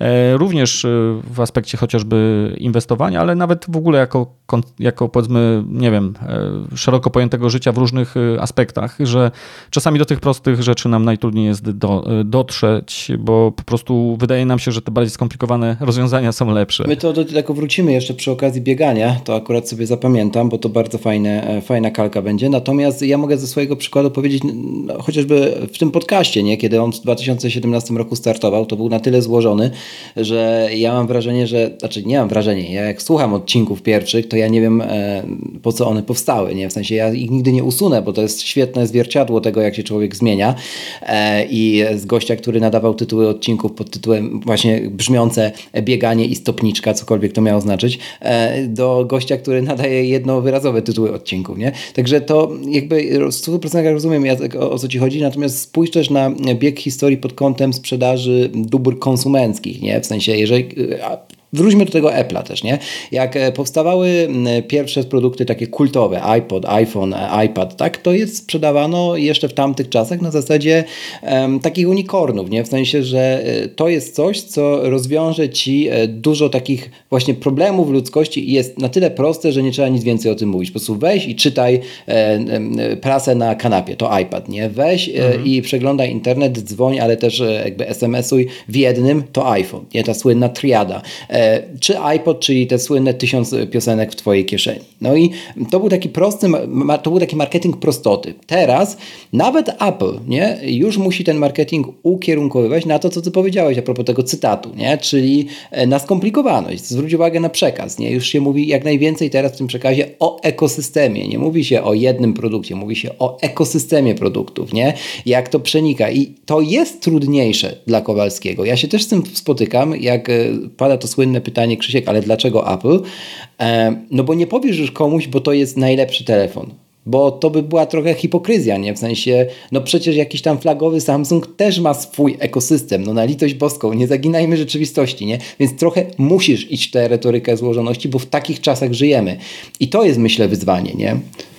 Tak, zgadza się, e, aczkolwiek y, myślę, że no, oczywiście pewna złożoność jest potrzebna, żeby osiągnąć, w ogóle mówimy tutaj o technologiach i to y, takich technologiach, które no, wymagają naprawdę skomplikowanych gdzieś tam rozwiązań, ale myślę, że też na wszystko musi przyjść swój czas. Dokładnie. Zwróć uwagę, że na przykład, jeśli nie mylę się, w 1993 Apple wypuścił Newtona, czyli protoplastem, można powiedzieć, iPada, tak? Tylko zupełnie to kompletnie nie chwyciło. Znaczy, wydawało się, że nagle to naprawdę to powinien być strzał w dziesiątkę, ale rynek nie był na to gotowy. Można powiedzieć, że być może Apple e, sknocił to od strony marketingowej, ale jednak tak to jest, że do pewnych rzeczy też trzeba dojrzeć. I gdyby, gdyby nie wiem, mm, wtedy dla przykładu ktoś z takim ekosystemem wyskoczył od razu, to też by to prawdopodobnie nie chwyciło. Tak. tak? Te potrzeby ludzi się zmieniają w czasie i, i myślę, że tutaj w tym kontekście y, ty mówisz, że to komplikuje, a z drugiej strony można na to spojrzeć z drugiej perspektywy, mhm. że to jednak upraszcza, bo to jednak gdzieś tam unifikuje całe rozwiązanie, że ma, masz tutaj Apple'a, który,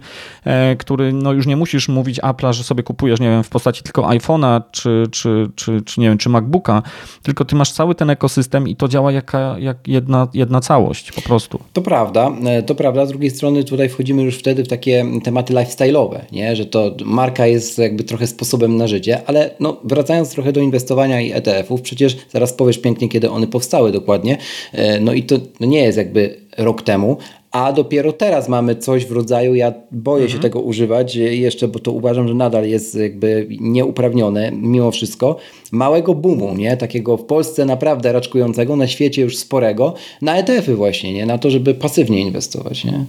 To wiesz co, to znów tu jest ciekawy rys e, mhm. historyczny, bo w ogóle e, pierwszy ETF e, obchodził swoją niedawno 30. rocznicę, mhm. także to nie jest coś tak. takiego wow, nowego, coś, jakieś, coś co mhm. powstało wczoraj. Natomiast zanim w ogóle powstały pierwsze ETF-y, to jeszcze niemalże 20 lat wcześniej powstały fundusze indeksowe, które były, można powiedzieć, protoplastą. Mhm. I o co chodziło? Chodziło o to, że był sobie taki człowiek w Stanach Zjednoczonych, John Bogle, który stwierdził, że gdyby tak po prostu nie szukać igły w stogu siana, czyli jeżeli tworzysz produkt inwestycyjny, tworzysz fundusz inwestycyjny i starasz się osiągnąć najlepszą stopę zwrotu dla inwestorów, a każdy by chciał mieć lepszą stopę zwrotu niż to, mhm. co daje szeroki rynek, tak? To gdyby może w zamian za to po prostu kupić cały ten stóg siana, czyli cały rynek kupić, wszystkie spółki, jakie wchodzą na ten rynek, e, jego skład, ale za to w zamian dać niską opłatę i ten produkt będzie tani. No i się okazało, że takim prostym zabiegiem e, wyniki dla inwestora są zwykle lepsze niż kupno aktywnie zarządzanego funduszu, gdzie są mądre głowy, które od rana do nocy nic innego nie robią jak e, to, żeby dobrać lepszą spółkę do portfela i pokonać ten rynek. No i tak się narodziły właśnie fundusze indeksowe, fundusze, które za niską opłatę E, kilkukrotnie niższą opłatę mogą e, po prostu dać nam cały portfel. Możemy kupić na przykład 500 największych spółek amerykańskich z indeksu SP 500. I to był właśnie e, ten moment, który rok 1976, który można powiedzieć był kluczowy, bo na bazie właśnie tej koncepcji no, w 1993 roku powstał ETF też na indeks S&P 500, ale już w postaci takiego funduszu, który jest notowany na giełdzie. Mhm. Czyli nadal jest to ta sama koncepcja, czyli znów mamy kupno całego stogu siana, a nie dobieranie tam pojedynczych e, e, tylko perełek w nadziei na to, że pokonamy ten rynek. Natomiast już tym funduszem można po prostu handlować jak każdym innym papierem wartościowym, jak e, spółkami, e, jak, jak akcjami spółek, jak obligacjami, czy e, bitcoinem, czy czymkolwiek innym. Tak? Myślę, że bitcoin tutaj dla wielu może bardziej nawet przemawiać. Mm, I to jest po prostu fundusz nadal, tylko że jego można kupić i sprzedać po prostu na giełdzie papierów wartościowych. I o ile w Stanach Zjednoczonych to chwyciło, bo e, po prostu zaczęły przemawiać twarde liczby, twarde fakty, takie inwestowanie, inwestowanie w szeroki rynek e, pokonuje większość funduszy aktywnie zarządzanych. No i cóż z tego, że 1-2% funduszy mogą w długim okresie pokonać rynek, jeżeli my to wiemy ex post, ale nie wiemy tego 30 lat wcześniej, tak? tak? No mm -hmm. więc ciężko jest utrafić ten fundusz, który akurat 30 lat później da nam lepszą stopę zwrotu. Więc lepiej jest po prostu kupić coś takiego jak e, fundusz indeksowy czy ETF na cały szeroki rynek. I to nam da niemalże gwarancję, że pokonamy no, większość e, aktywnych inwestorów. Natomiast. Mhm. No i teraz wchodzi, wchodzi jakby e, mhm. w tych czasach współczesnych do tego właśnie technologia i wchodzą tak zwani robodoradcy. No Finax jest jednym z nim, nie jedynych. Jednym z nich, nie jedynym oczywiście. I e, jakby to, co, co to ma na celu? To jest trochę z tym, ta analogia do DOSa, nie? Coś, co było właśnie zarezerwowane dla mądrych głów traderów, wprost, y, jeszcze najlepiej okraszony odpowiednią ilością edukacji, materiałów edukacyjnych sposób, e, dać właśnie Kowalskiemu, nie? W sensie dać mu coś, dać mu jakąś alternatywę niż y, no, chociażby TFI, tak? E, którą on może w taki współczesny sposób mm, e, przyswoić i zrozumieć i być może wykorzystać, czy to przez aplikacje, czy portale internetowe. Nie? Tak.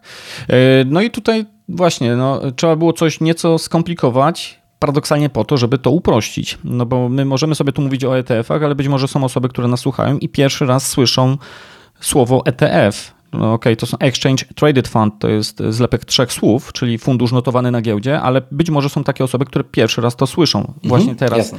E, podczas tej rozmowy z nami.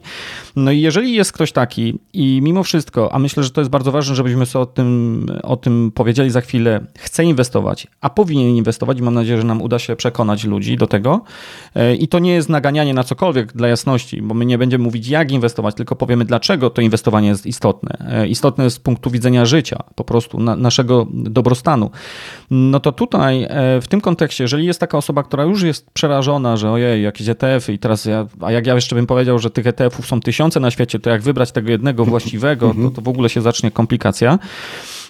No to właśnie powstały takie rozwiązania jak chociażby robodoradcy, czyli takie usługi, można powiedzieć, które robią tę robotę za nas. Oczywiście one za to pobierają opłatę, ale wtedy my sobie przychodzimy i mówimy, że my chcemy właśnie taki i taki produkt, nie już z, z, nie wiem, z palety tysiąca, tylko na przykład mamy 5-10 e, przykładowych portfeli, które różnią się między sobą tylko i wyłącznie profilem ryzyka, czyli tak naprawdę dobieramy ten, e, ten, ten produkt pod kątem naszych e, preferencji odnośnie ryzyka, jakie chcemy sobie na siebie wziąć i, i to tyle. I, I nie musimy się jak gdyby interesować całą tą techniczną, tych technicznymi detalami, które są pod spodem, jak kupić te ETF, gdzie otworzyć rachunek, mm.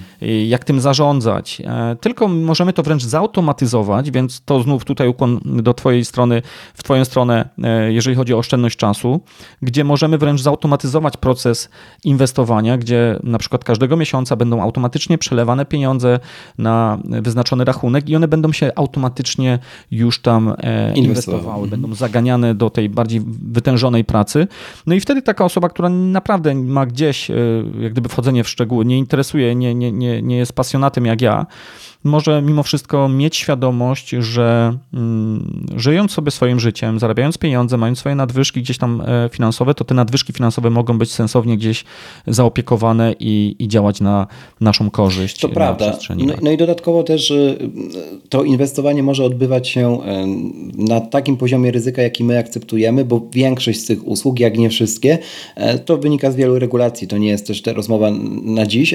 Jakby musi przejść, musi przeprowadzić przeprowadzić takiego początkującego inwestora przez ocenę tak zwanego ryzyka jego, tak? Czy to zrobi ankietą odpowiednią, ona ma nawet swoją nazwę, czy to zrobi swoimi e, pytaniami w postaci quizu, czy czegoś na wzór quizu w tej konkretnej usłudze, czy, czy aplikacji, e, no to nie jest tak, że zostajemy z niczym i po prostu my musimy sobie teraz wybrać elementy do tego portfela. To też warto zaznaczyć, bo mm, wiem po znajomych, że wiele osób mm, boi się tego ryzyka, a tak naprawdę nie wie do końca, jaki jego jest realny poziom w ich przypadku, nie? Dokładnie tak. Zresztą warto sobie zdać sprawę z tego, że nie ma czegoś takiego jak brak ryzyka. Znaczy generalnie życie jest ryzykowne. No właśnie, ja mój, że w życiu. I, I paradoks polega na tym, że jeżeli ktoś powie sobie ja nie chcę inwestować, bo nie chcę ryzykować, to tak naprawdę ta osoba już w tym momencie ryzykuje i ma wręcz pewną stratę pod tytułem e, inflacja. To tak? Prawda. Znaczy, jeżeli ktoś ma, zakładając jakieś nadwyżki e, w swoim budżecie domowym e, i jeżeli tych nadwyżek nie będzie inwestował, tylko trzymał je nie wiem, na lokacie w banku czy pod przysłowiowym materacem, to ma gwarantowaną stratę.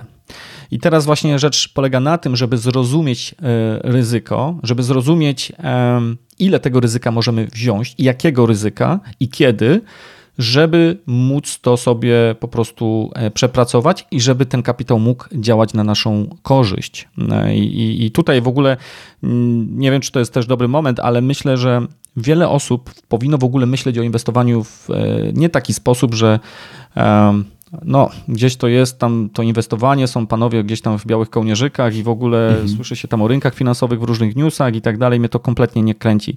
To nie o to chodzi. Chodzi o coś zupełnie innego. My, jeżeli jesteśmy sobie takim przeciętnym człowiekiem, żyjącym sobie, pracującym w jakimś swoim zawodzie, mającym swoim, swoje życie, i dajmy na to, człowiek jest tam aktywny zawodowo, nie wiem, 3-4 dekady. Mhm to tak to wygląda, że jakbyśmy spojrzeli na to przez pryzmat finansowy, no to my na początku zarabiamy mniej tych pieniędzy, gdzieś tam wchodzimy dopiero na ten Jasne. rynek pracy, mhm. być może niektórzy otwierają biznesy.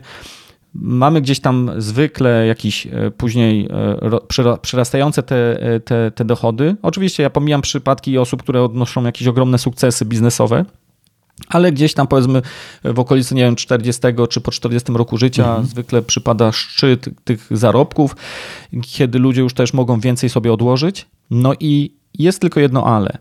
My zarabiamy coraz więcej, ale ten nasz kapitał ludzki, mówiąc tak zupełnie wprost, topnieje z czasem. To znaczy, no, nie oszukujmy się, z, z upływającym czasem nie przybywa nam sił mhm. jako ludziom, tylko go po prostu e, jest coraz e, mniej.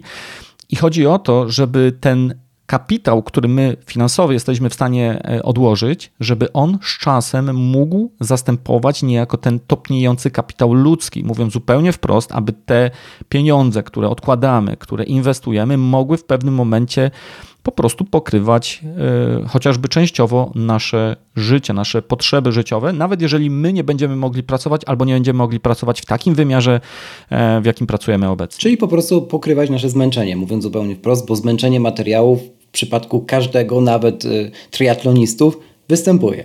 U nich to szybciej niż Dokładnie później. tak. No i, i, i tak zamykając temat, może to się e, okazać tak, że dla niektórych osób faktycznie po na przykład 15-20 latach okaże się, że ktoś sobie odłożył tyle pieniędzy, że tak naprawdę ma wystarczający kapitał, żeby już do końca życia sobie żyć z tego kapitału, więc przynajmniej czysto ekonomicznych powodów mhm. musi pracować e, po to, żeby zarabiać więcej, co nie oznacza, że nie, nie będzie taka osoba w ogóle pracowała, bo nie tylko dla pieniędzy się pracuje. Natomiast nawet jeżeli ktoś nie, nie, nie dojdzie do takiego etapu po, nie wiem, 15-20 latach, tylko będzie pracował do, powiedzmy, wieku emerytalnego, jaki jest tam w systemie przewidziany, to nawet jeżeli przejdzie na tą w cudzysłowie państwową emeryturę, będzie mógł liczyć na to, że będzie miał też y, pokaźne źródło dodatkowych y, y, pieniędzy ze swojej, powiedzmy, takiej znów w cudzysłowie prywatnej emerytury i coś, co może dać więcej spokoju, że nie będziemy musieli się stresować, a jakie te emerytury będą w przyszłości, czy nam to wystarczy na życie, a co jeżeli zachoruję, będę potrzebował więcej pieniędzy, więc coś, co ma nam dać po prostu no, ten przysłowiowy święty spokój. Zanim wrócimy do odcinka, zapraszam Cię do subskrybowania newslettera tego podcastu. Bo czemu nie.pl ukośnik newsletter. Każdą sobotę znajdziesz tam moje osobiste spojrzenie na świat technologii, a ponadto rekomendacje wszystkiego tego, co spotkałem w ostatnim czasie i uznałem, że warte jest Twojej uwagi. Prowadzę również mikrobloga pod adresem boczemunie.pl ukośnik blog. To jeszcze odeślimy e, na koniec tego wątku z takiego stricte finansowego do jakichś źródeł. Na pewno jakby atlas.etf.pl, tam potężną bazę wiedzy Jacek i Artur budują, tak żeby wysyłacie ją w formie e, newsletterów, pisanych od razu też powiem ze swojego, e, jakby ze swojej perspektywy w sposób prosty, nie? W sensie ja sporo książek się naczytałem e, o inwestowaniu różnych i to akurat to, jak piszą to Jacek i, mm, i właśnie Artur jest naprawdę proste i takie pogłębione, w sensie no, nie zostaniecie na przykład ze skrótem, który nie jest rozwinięty, co jest kudosem dla waszym, mm, z waszą strony znowu, z drugiej strony, bo robicie, bo robicie to w sumie za darmo, nie? Także, e, także należy, należy też to docenić. Oczywiście blog Michała, jak oszczędziać pieniądze.pl nadal myślę, że treści są z tych, które się nie nie starzeją, także to na pewno mogę od siebie po, polecić. No i oczywiście książka Finansowy Ninja nadal, e, nadal e, rekomenduję, jak tylko mogę. E, to myślę, że takie trio mm, wystarczy tutaj na, na potrzeby dzisiejszej rozmowy. No to w końcu to bieganie, bo ja też nie mogę się tego wątku doczekać. Jacek, powiedz mi, jak się w ogóle ta Twoja przygoda z bieganiem zaczęła i gdzie to bieganie mm, ma miejsce w Twoim życiu, jaką rolę też pełni, no bo to nigdy nie jest czysty przypadek, jak się już zacznie, nie? Ono później dochodzi do jakiegoś ale, no, przepraszam, do jakiegoś dlaczego, to chciałem powiedzieć. Tak. Mhm. Okej, okay, więc może zacznę od tego, że ja w ogóle całe swoje życie byłem aktywny fizycznie. No, jeżeli się było dzieckiem, przynajmniej w, w, tamtych czasach, mówił, że jak ten wapniak, y, no to zwykle biegało się od rana do wieczora po podwórku. Natomiast nawet jak już byłem na studiach i później zaczynałem swoją pierwszą pracę, to byłem aktywny fizycznie, przy czym głównie tutaj ja poszedłem akurat w stronę sztuk walki, aikido, później krav maga, także gdzieś to było zawsze ze mną i zawsze byłem aktywny. Natomiast w roku 2012, jak przyjechałem do Brukseli, e, no to nagle mi tej aktywności trochę zabrakło. Jeszcze to było tak, że no, byłem w obcym państwie, w obcym mieście, więc bieganie było najprostszą formą aktywności dla mnie. Mhm. Ja przyznam, że ja nigdy nie lubiłem biegania. Znaczy, wydawało mi się, że to jest najbardziej nudny, nudny rodzaj aktywności fizycznej na świecie. No, jeżeli pójdę sobie na trening Aikido, to tam się coś dzieje, jest jakaś dynamika, jest, jest, jest akcja, coś urozmaiconego, a nie, że człowiek wychodzi i biega, albo wręcz na bieżni w miejscu i co w tym może być pięknego. I mm, Także to nie było tak, że od razu zakochałem się w tym bieganiu, ale zacząłem biegać, ponieważ potrzebowałem zwyczajnie wprost y, no, ruchu fizycznego. Mhm. No, zwłaszcza, że pracuje się w, w siedzącym, że tak powiem, środowisku, no to trzeba się ruszać. Y, ale z czasem coraz było lepiej, bo zauważyłem, że mogę na przykład sobie słuchać podcastów e, i mogę jakby połączyć te dwie rzeczy. O ile trudno słuchać podcastów na treningu Aikido, tak podczas biegania jest to możliwe. Czasami muszę przesłuchać e, ten sam odcinek dwa razy, jak sobie gdzieś tam większy dam wycisk, ale, e, ale jednak da się to połączyć. A co więcej, to bieganie faktycznie w pewnym momencie no, widziałem, że, że, że ma dobry wpływ na moje życie, bo ono po, pozwala resetować człowieka w bardzo szybki sposób. Prosty przykład. Ja zwykle teraz biegam zwykle gdzieś tak w w południowych godzinach. Tak? Jest tak. południe, mhm. mniej więcej w połowie dnia mojej pracy. Po prostu ubieram buty i wychodzę biegać. I, i czasami jest tak, że jestem akurat w trakcie rozwiązywania jakiegoś problemu technicznego, że w ogóle jestem gdzieś wkurzony, bo coś nie wychodzi, nie klei mhm. się ta robota. I, z, I wcześniej to, to była wymówka, a no to w takim razie nie idziesz sobie biegać, chłopie, bo, bo jesteś zajęty. Teraz nie. Teraz musiałoby, nie wiem, gradobicie, żebym nie poszedł biegać.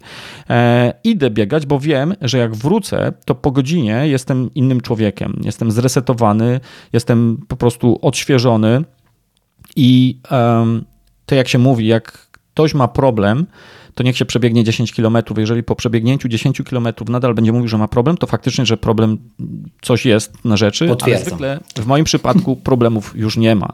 Po 10 km, jak się człowiek przebiegnie, to człowiek inaczej spogląda na świat, po prostu jest szczęśliwszy. E, więc to jest takie pozytywne uzależnienie e, od sportu. E, ja, ja nigdy nie biegałem wyczynowo dla jasności. Nigdy nie brałem udziału w żadnych maratonach, w żadnych eventach. Natomiast biegam sobie całkiem regularnie. W tym momencie nawet ostatnio wczoraj, wczoraj dokładnie biegałem z osobą też z klanu finansowych Ninja. Mhm. Pozdrawiam Michała, jak nas słucha. No to, ale Michała, nie Michała Szafrańskiego dla jasności, tylko w mhm. Brukseli z innym Michałem. To są dwa tygodnie, kiedy biegam dzień w dzień. Znaczy nie, nie miałem żadnego dnia przerwy, chociaż to są krótkie dystanse. Krótkie jak, jak, jak, jak, jak dla mnie to jest 6, 7, 8. Wczoraj akurat prawie 10 przebiegliśmy kilometrów ale, ale po prostu biegam regularnie. Do tego sobie jeszcze zrobiłem taki challenge teraz, też właśnie z Michałem, tym razem z, z klanu finansowych Ninja, Michałem Szafrańskim, e, robienia pompek, 10 tysięcy pompek. E, mamy taki challenge, e, kto zrobi szybciej. Także mhm. ten ruch fizyczny jest ważny, natomiast to bieganie, już tak wracając do tego tematu, jest bardzo kluczowe dla mnie w tym momencie, bo ono po prostu daje mi poczucie tego, że jestem zdrowym człowiekiem. Um, I nic nie jest takim dobrym papierkiem lakmusowym jak wysiłek fizyczny, jeżeli coś się dzieje nie tak z naszym zdrowiem. Bo jeżeli lepiej, lepiej się poznajemy po prostu jako swój organizm. No i e, swoją głowę też, e, bo mogę się oczywiście podpisać po wszystkim, co powiedziałeś, plus dodać jeszcze e, myślę, że dwie rzeczy. Jedna to jest, od, odsyłam Was do odcinka z Pawłem Jońcą. No, on tam powiedział takie piękne zdanie, że on po 27 swoich maratonach najbardziej docenia nie 27 medali, tylko to, że jak podbiega do autobusu z żoną i do tego autobusu już podbiegnie, wsiądzie, to w ciągu 10 sekund nie dyszy, a wszyscy inni, którzy to robią, prawie tam umierają i chcą wzywać pogotowie. Nie? To jest wspaniała anegdota, którą sobie zapamiętałem i myślę, że długo ze mną zostanie. A druga rzecz, to ja wiesz, ja zrzucałem 40 kg e, nadwagi wiele lat już temu, prawie 10. E, słuchając podcastów, wtedy je odkryłem też tak na nowo jakby, no i chodząc, nie? nawet nie biegając, chodząc po prostu do biura wtedy i z biura, czy słota, czy deszcz, czy, czy gradobicie, Um, I te podcasty mi zostały z tym, jakby, tak, jakby są takim elementem nieodzownym e, tego mojego biegania. I myślę sobie, że o ile e, można jakby podchodzić właśnie do sportu jako do czegoś, co ma komuś cokolwiek udowadniać, no to ja podchodzę do sportu, czy to do treningów core, które też uwielbiam, czy, e, czy treningów właśnie podbiega z bieganiem związanych, takich wytrzymałościowych, to, to dla mnie, ja to traktuję jako taki nie, nie tyle papierek lakmusowy, e, co takie stawianie swojej głowy w takim angielskim row, nie? w takim surowym środowisku, nie? w takim środowisku, gdzie e, jesteś ty, jest twoje ciało, są twoje myśli i nie ma wsparcia, nie? w sensie nie zakładam tutaj dyskusji o dopingu, nie? ale jakby nie ma wsparcia takiego, spo... myślę, że u mnie to głównie chodzi o technologię. Nie ma aplikacji, która to uprości, nie ma automatyzacji, która to zrobi. Jak masz do przebiegnięcia półmaraton, to musisz 21 razy powtórzyć to samo. Po prostu nie ma innej opcji, nie? W sensie w mhm. jakimś tam czasie, żeby dobiec do mety, no nie? I jakby, no to mi dużo daje, nie? W sensie na zasadzie przede wszystkim takim psychicznym.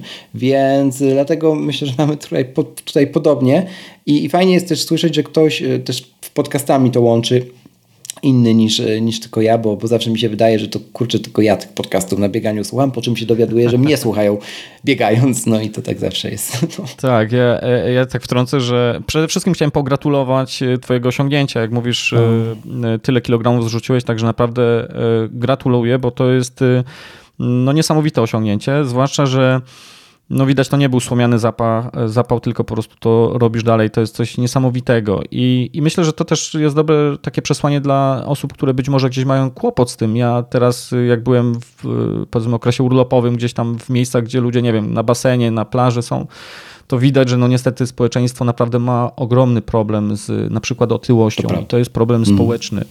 I to nie jest kwestia tylko tego, że ktoś, nie wiem, bardziej lub mniej estetycznie wygląda, tylko to jest kwestia po prostu, czyst, po prostu zdrowia, zdrowia. I komplikacje, jakie później mogą być z tego tytułu są ogromne, więc warto, żeby y, no, tutaj no, dbać o siebie, mówiąc naj, naj, najprościej, jak to można, jak to można Inwestować ująć. w siebie, po prostu. Dokładnie tak, to jest najlepsza inwestycja. Zresztą e, Warren Buffett, najbardziej, e, no, można powiedzieć, taki znamienity inwestor, no, on co prawda nie, nie słyszałem, żeby był jakimś biegaczem, aczkolwiek czy jakoś tam super może był aktywny fizycznie, tego nie wiem, znam go głównie z tego, że siedzi gdzieś tam w biurze i czyta te raporty finansowe, ale on podkreśla właśnie to, że mamy jedno ciało, i warto o nie dbać. Po prostu, no to jest taki paradoks, że my, nie wiem, e, z samochodem jeździmy co rok tak, na tak, nie tak. Wiem, przegląd techniczny, bo jest wymagany prawem, a sami nie badamy swojego ciśnienia, krwi i tak dalej.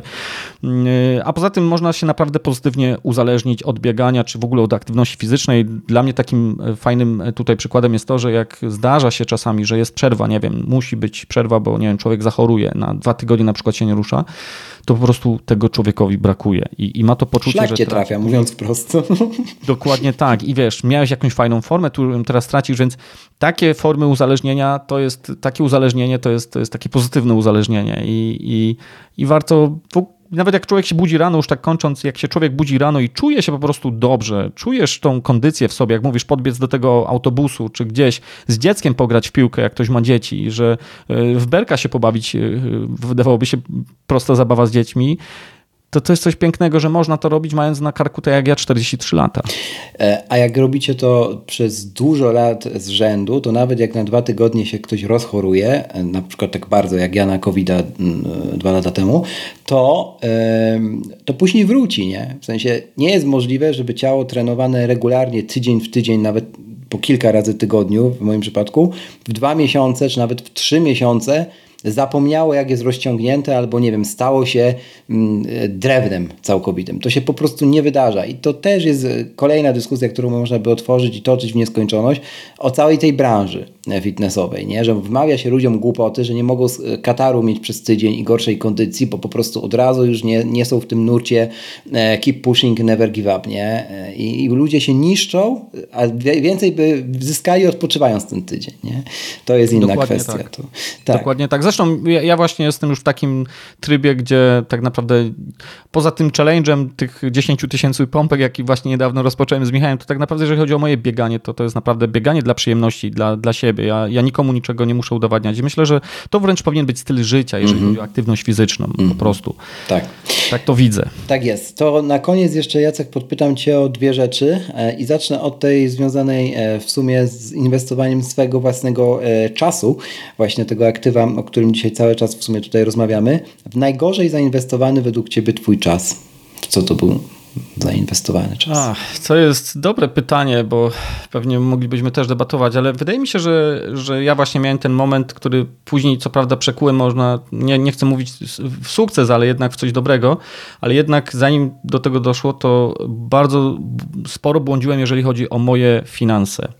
W sensie zacząłem angażować swój czas mhm. E, w rzeczy, które no, były skazane na porażkę. Ja to widzę teraz, ale wtedy tego tak nie widziałem. Mówiąc krótko, starałem się szukać jakichś cudownych sposobów mhm. inwestycyjnych, metod, które miały jakąś drogą na skróty sprawić, że będę miał więcej pieniędzy. Oczywiście się to nie stało, wręcz przeciwnie. Natomiast y, no, można powiedzieć, że 2-3 lata y, to w ogóle błądziłem gdzieś w takich rejonach, które teraz jak na to spoglądam, to, to były wręcz absurdalne.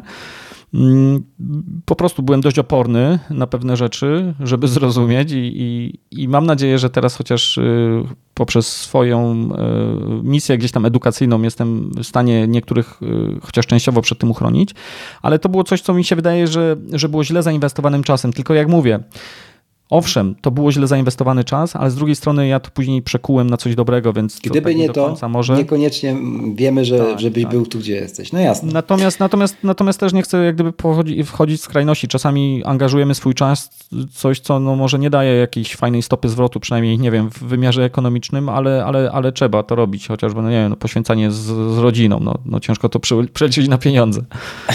tak, to, to, już, to, to już przerabiano w tym podcaście etapy pod tytułem nie idź z kumplem na piwo, e, bo e, najpierw go musisz ocenić według Excela. To nie wracamy do tych czasów. Tak. E, no dokładnie tak. Tak, Jacek. To wiemy wszyscy o co chodzi, przynajmniej my na pewno tak czuję. I jeżeli chodzi o jeszcze drugie pytanie, no to muszę je też zadać nie tylko jako tam głos mojego pokolenia, ale taki głos w sumie chyba mojej nadziei prywatnej. Czy masz takie przekonanie, że i teraz bardzo ważne, żebym to dobrze powiedział, że stanie się modne bycie zaradnym finansowo, ale nie w rozumieniu posiadanego kapitału, czy to na swoim, czy rodziców koncie, czy w bankach różnorakich, ale takiej odpowiedzialności i kontroli nad własnym budżetem, nad własnym życiem takim finansowym. Nie? Czy to ma szansę być trendem? Co, no to jest... Powiem tak, czy ja mam przekonanie, e, no skłamałbym, gdybym powiedział, że mam przekonanie, bo mogę mieć nadzieję, e, że tak by było, że tak będzie. E, przekonania nie mam, bo tego nie wiem.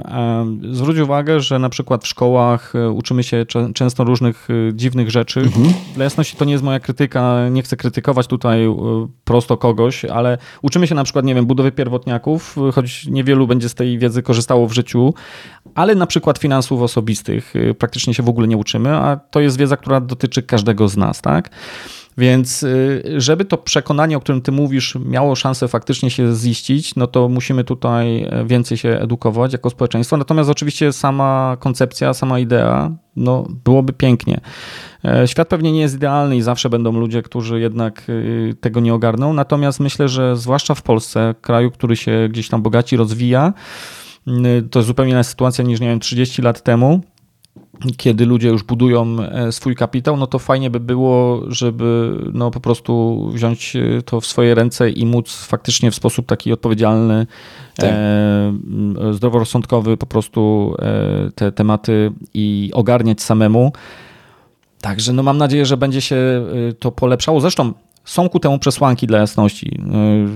Podobno e, jeszcze 2-3 lata temu o słowie ETF to wiedziało dolne kilka procent, teraz to już jest prawie 10%, jeżeli chodzi o społeczeństwo w mhm. Polsce, więc mhm coraz tam lepiej jest, że tak powiem, w tym temacie. Trzymam kciuki, a ja sobie kiedyś ukułem, tak sobie wyobrażając, wizualizując, jakby mógł wyglądać taki hashtag do powiedzmy takiego trendu bycia zaradnym finansowo i on wcale nie brzmi tam, wiesz, mam hajs czy coś, tylko ja wymyśliłem coś takiego, w sensie moja głowa i to na bieganiu. Wymyśliła takie mhm. coś e, i że to mogłoby być na przykład hashtag wiem co mam albo wiem, czym dysponuję, bo jakby się ten dyskurs zmienił, co ja bym z tego, co ja bym chciał, chciała mieć, na to jakby wiesz, co mamy na podorędziu mhm. i co my możemy tu i teraz z tym zrobić, nawet jak tam zyski będą na, na początek w skali mikro, e, to mi się wydaje, żeby się już e, dużo w, w głowach pozmieniało. No mówię to oczywiście tylko na swoim przykładzie, ale jakby wiadomo, nie? No, to tak myślę, tak pięknie kończąc. Jacku, bardzo Ci dziękuję za tę podróż w sumie trochę sentymentalną, trochę w kierunku retrotechnologii, ale tak sfiniszowaną, myślę, z przytupem e, w kontekście nie tylko technologicznym, ale takim ogólnożyciowym. Zawsze mi na, to, na tym zależy w tym podcaście, żeby też pokazywać, że technologia technologią, ale starajmy się coraz e, intencjonalniej żyć. Ty jesteś tego żywym przykładem. Trzymam kciuki za wszystkie projekty i mam nadzieję do usłyszenia jeszcze kiedyś. A ja dziękuję bardzo, bardzo za zaproszenie. Mam nadzieję, że nie przynudziłem tutaj, zwłaszcza tą młodszą część e, e, publiczności. No i cóż, wszystkiego dobrego. Pozdrawiam serdecznie.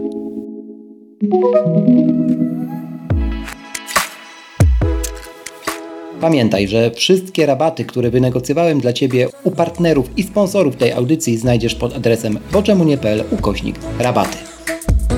Raz jeszcze, na koniec, żeby nie umknęło.